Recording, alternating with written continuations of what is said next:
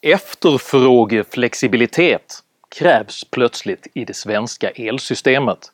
Men innebär denna flexibilitet effektivisering eller ransonering? Vad betyder egentligen efterfrågeflexibilitet? Varför ställs krav på denna typ av flexibilitet just nu?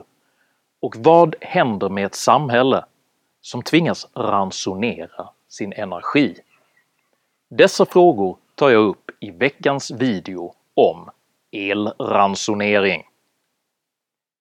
Denna kanal är helt beroende av ert frivilliga stöd via betalningsalternativen här nedanför, så ett stort stort tack till alla er som hjälper mig att fortsätta göra dessa filmer. Jag släpper en ny video varenda lördagsmorgon klockan 08.00, så se till att prenumerera, bli notifierad och att skriva upp dig på min splitternya Substack. Idag talar jag om energi, efterfrågan och exkludering. Häng med!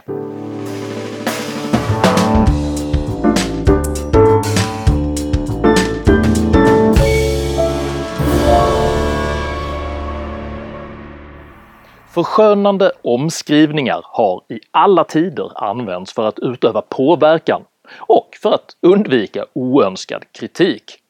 Från hotellkedjor som kallar indragen städning för en möjlighet för gästerna att påverka sitt klimatavtryck till att beskriva bussning av skolbarn som geografiskt baserade skjutslösningar skräds ofta orden med förhoppningen att kunna dölja impopulära förändringar.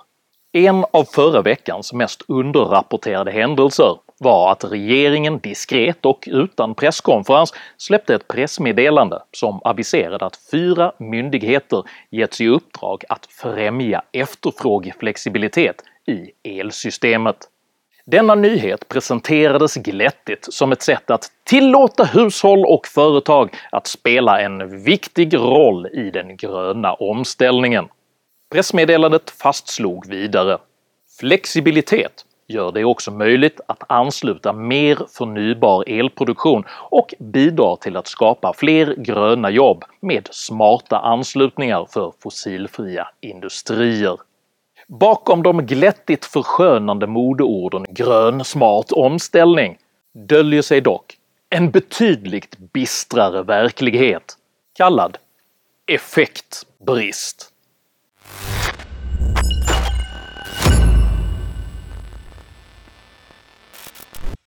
Energiexperter har under många, många år varnat för den tilltagande effektbristen i det svenska stamnätet. Redan i kraftbalansrapporten 2019 konstaterade till exempel Svenska kraftnät “Kärnkraftsreaktorernas framtid har stor påverkan på Sveriges effektbalans under topplasttimmen.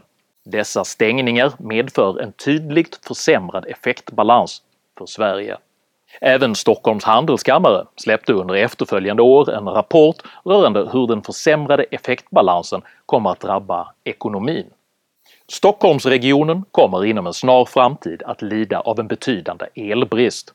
Detta kommer att orsaka mycket stora regionala och i förlängningen nationella kostnader i form av förlorade arbetstillfällen, bostäder som inte kan byggas, utebliven tillväxt och en bromsad grön omställning. I samtliga av rapportens tre scenarier kommer Sverige att från 2022 till 2031 att drabbas av konkret elbrist till en ekonomisk kostnad mellan 208 och 886 miljarder kronor bara för Stockholms län. Trots alla dessa varningar framhärdade dåvarande energiminister Anders Ygeman ändå med att Sverige hade överskott av el. Nej, vi har ju som Nyamko säger ett överskott på el i landet. När man analyserar Sveriges energisituation är det dock helt centralt att skilja på energibehov och effektbehov. Effektbehovet är den elenergi som efterfrågas per tidsenhet, ofta uttryckt i elbehov per timme, medan energibehovet är den samlade efterfrågan sett över ett helt år. Detta innebär att Sverige totalt sett kan ha ett överskott av energi och samtidigt inte kunna leverera den när folk behöver den. Kortfattat kan man säga att energisystemet konstant och ögonblickligen måste leverera exakt lika mycket energi som konsumeras eftersom det i nuläget inte går att lagra energi i någon större omfattning. Detta kallas effektbalans och utan denna balans havererar hela energisystemet.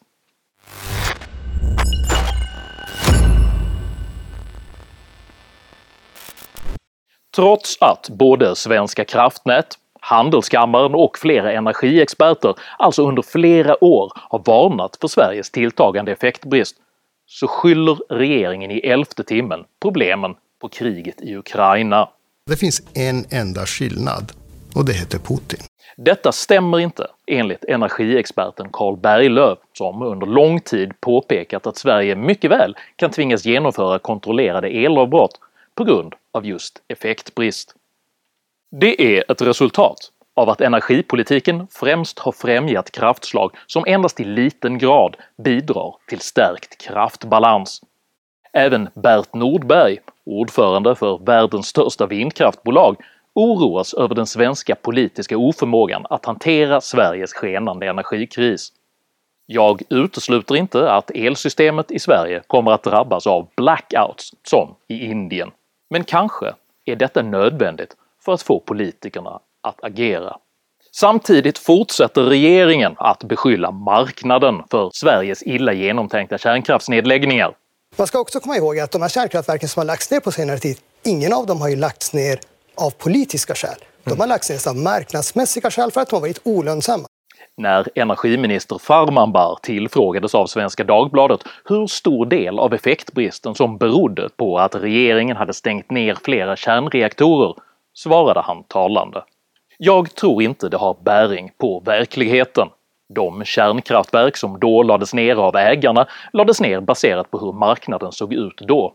De fann ingen lönsamhet utan valde att lägga ner. Nu ser situationen och elmarknaden annorlunda ut. Detta är inte sant! Marknaden la inte alls ner någon kärnkraft utan pressades till avveckling genom politiska beslut. Det var politiska beslut som avgjorde att kärnreaktorn Ringhals stängdes. Det säger nu Vattenfalls produktionschef till SVT efter de senaste dagarnas debatt om höga elpriser. Det var Miljöpartiet som krävde nedstängningspolitik för att släppa fram Socialdemokraterna till regeringsmakten efter valet 2014. Vi ska säkerställa att det stängs kärnkraftsreaktorer under den här mandatperioden och det kommer också att bli så. Vänsterregeringen genomdrev därför en så kallad effektskatt som specifikt angrep kärnkraftens ekonomi. Tycker du att det var Vattenfall eller politikerna som stängde Ringhals? Ja, beslutet var Vattenfalls, men jag kan också konstatera att hade vi inte haft effektskatten som vi hade 2015 så hade vi inte tagit det beslutet. Vattenfall hade inga som helst tankar på att stänga ner några kärnreaktorer i förväg. Har Vattenfall några planer på att stänga några reaktorer den här mandatperioden? Ja, vi ser detta som naturligtvis att de kommer att köras i sin fulla ekonomiska livslängd och eh, vi har inga planer i den här mandatperioden att stänga reaktorer. Regeringen ersatte även styrelseledamöter i Vattenfall med anti-kärnkraftsaktivister. Sen har ju också regeringen eh, bytt ut två personer i Vattenfalls styrelse. Där eh, Thomas Kåberger som jag vet har varit med här i podden ja, är en av de nya. Mm. Eh, så att han, eh, han är ju nu en av de nya representanterna i styrelsen. Man ska ju förstås inte använda de, de statliga bolagen eh, som ett verktyg i liksom en ryckig politisk inriktning. Mm. Men, men den här regeringen sa ju att vi behöver komplettera kompetensen mm. i den styrelsen mm. med kompetens inom förnybar energi. Mm. Och det är väldigt viktigt och bra att man gjorde det. Mm. Alla dessa åtgärder tvingade slutligen Vattenfall att betrakta kärnkraften som olönsam trots att en nedläggning betraktades som en ohållbar situation för elförsörjningen i Sverige. Och effektskatten på kärnkraft, som höjdes så sent som förra året, helt enkelt inte gör det lönsamt för Vattenfall att fortsätta att driva reaktorerna i Ringhals och Forsmark vidare. Men att reaktorerna i så fall skulle behöva stängas i förtid, det tror Torbjörn Wahlborg också skulle bli en ohållbar situation för elförsörjningen i Sverige. Sedan dess har vänsterregeringen konsekvent beskyllt marknaden för de kärnkraftsnedläggningar man själv öppet inte vill ta ansvar för. Men sanningen lyser allt som oftast igenom ändå. Svenska kraftnäts systemutvecklingsplan för perioden 2022 till 2031 visar just nu ett underskott på hela 28 400 MWh och totalt sett 900 timmar årligen i akut effektbrist för det scenario med elektrifierad förnybarhet som regeringen har som målbild. Svenska kraftnät konkluderar Traditionell statisk metod utan flexibilitet inkluderat i elanvändningen ger ett extremt stort importbehov 28 400 MWh för scenario elektrifiering förnybart 2045. Krympande importmöjligheter, nedlagd kärnkraft och akut effektbrist avslöjar nu exakt vad regeringen menar med att befrämja efterfrågeflexibilitet. El ransonering.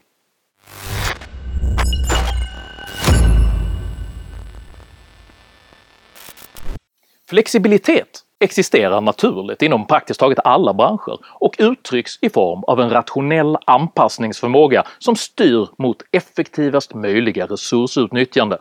Exempelvis förlägger ofta industriföretag sina produktionstoppar till tillfällen då energin är som billigast på samma sätt som många hushåll redan väljer att köra sina varmvattenberedare nattetid när nättaxan är lägre. Detta är en nyttig, organisk och predikterbar flexibilitet som självreglerar elförbrukningen mot ett effektivare resursutnyttjande. Detta är dock inte vad som avses med regeringens krav på efterfrågeflexibilitet, vilken istället speglar övergången från ett planerbart till ett stokastiskt elsystem. När energiproduktionen inte motsvarar behovet finns det nämligen bara två sätt att upprätthålla effektbalansen. Antingen så ökar man energiproduktionen så att den möter efterfrågan, vilket Svenska kraftnäts siffror tydligt visar vara omöjligt med oplanerbara energikällor. Eller så stryper man efterfrågan till vad de oplanerbara energikällorna för ögonblicket klarar av att leverera och kallar det hela “smart grön flexibilitet”. Universitetsuppsatsen “Demand Side Flexibility – The Effects of the New Functionality Demands on Electrical Meters” som tagits fram i samarbete med energiföretaget Sweco redovisar tydligt den verkliga positioneringen av efterfrågeflexibilitet. När sedan beteendet att bidra med efterfrågeflexibilitet blir mer standardiserat och möjligtvis norm i samhället kommer kunder som inte bidrar med efterfrågeflexibilitet att kunna bli motiverade av det upplevda sociala trycket till att göra det. Mardrömsscenarion skulle kunna visas för kunder kring vad som händer om efterfrågeflexibiliteten i elsystemet inte ökar. Exempel på sådana scenarier skulle kunna vara ett elsystem som inte klarar av 100% förnybar elproduktion utan efterfrågeflexibilitet och därför förlitar sig på fossila bränslen, vilka har en negativ inverkan på klimatet. Målsättningen är alltså att genom socialt tryck förmå hushållen att avsäga sig kontrollen över det egna hemmets energitillgång. För att kunderna fortfarande ska uppleva att de har kontroll över exempelvis sin egen inomhustemperatur är det viktigt att den automatiska styrningen inte inkräktar på komforten. Helst ska den automatiska styrningen inte märkas överhuvudtaget för kunderna, vilket skulle göra att kunderna upplever att de har kontroll över sitt eget hem och samtidigt bidrar med efterfrågeflexibilitet. Det är inte heller någon tillfällighet att de uppgraderade elmätare som just nu rullas ut i hela Sverige alla är förberedda för fjärrstyrning, vilket förstås presenteras som en smart ny fördel. Denna situation sammanfattar ytterst hela den eskatologiska svenska energipolitiken så tillvida att både humanitära, ekonomiska och rent hygieniska värden på helt ideologisk grund underställs de oplanerbara energikällornas överordnade prioritet. Och när dessa oplanerbara energikällor inte längre förmår tjäna civilisationen, då är det civilisationen som får anpassa sig. För efterfrågeflexibilitet är nämligen dubbel plus bra för den gröna omställningen. Tills människor tröttnar på att inte veta om kaffebryggaren kommer att fungera på morgonen och röstar fram kolkraftverk. I ljuset av detta uppmanar jag till stark efterfrågeflexibilitet på fortsatt vänsterstyre. Om du uppskattar innehållet i denna video så hjälper det mig mycket om du delar den med dina vänner och stöttar mitt arbete via några av betalningsalternativen här nedanför.